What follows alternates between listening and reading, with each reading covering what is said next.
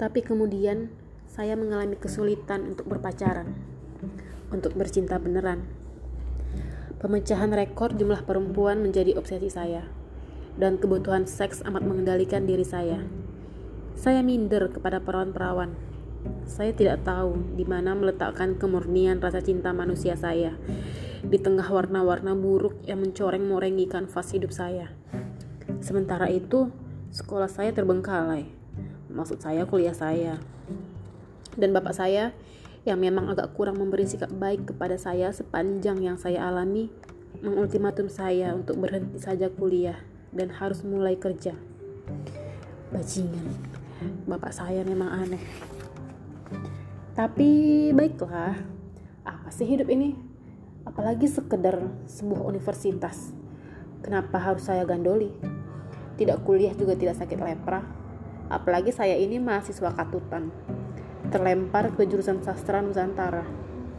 Tidak lucu. Apa pula kepentingan saya sama sastra-sastraan itu? Biar Sutarji pingsan kebanyakan bir, apalagi Empu Prapanca sudah modar. Saya kerja sekenanya, makelaran sepeda motor. Bapak Ibu tak setuju.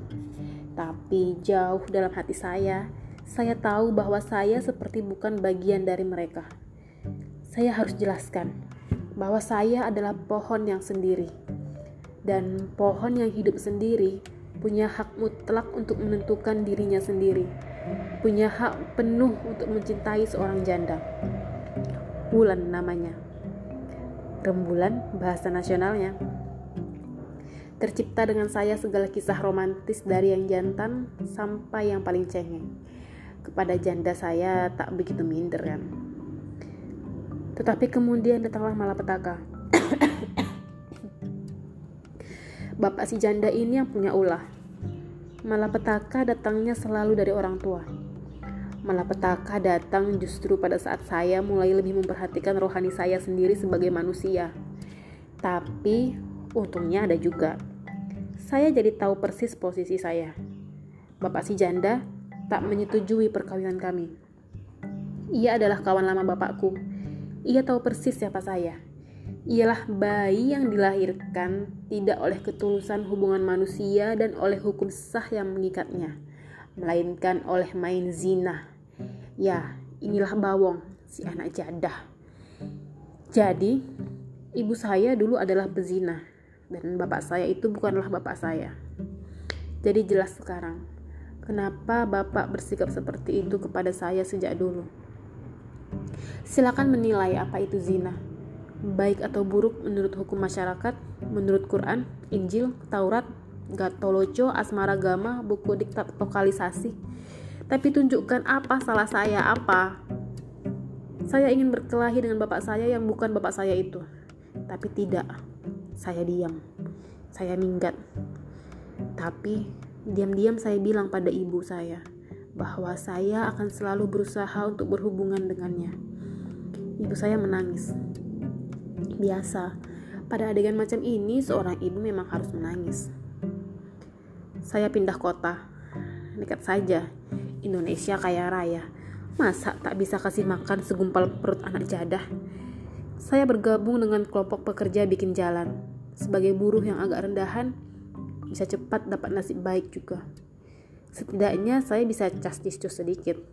Kan bekas mahasiswa bisa berlagak-lagak. Satu setengah tahun kemudian, saya terima surat dari janda saya itu. Ia punya anak dari perkawinan paksa orang tuanya. Anak itu bernama Bawong. Saya tertawa. Gusti Prabu, apakah kelak presiden Indonesia bernama Bawong? Tapi kalau iya, maka presiden itu pasti bukan saya dan pasti bukan anak saya.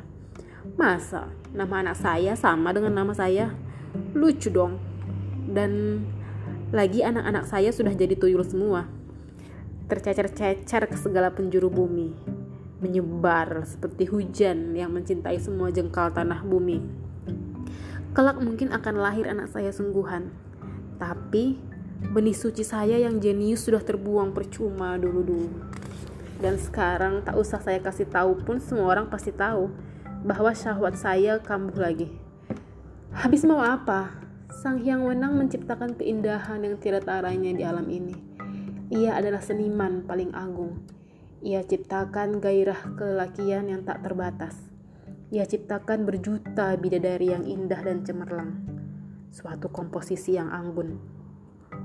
Tapi kabarnya segala sesuatu harus dibatasi.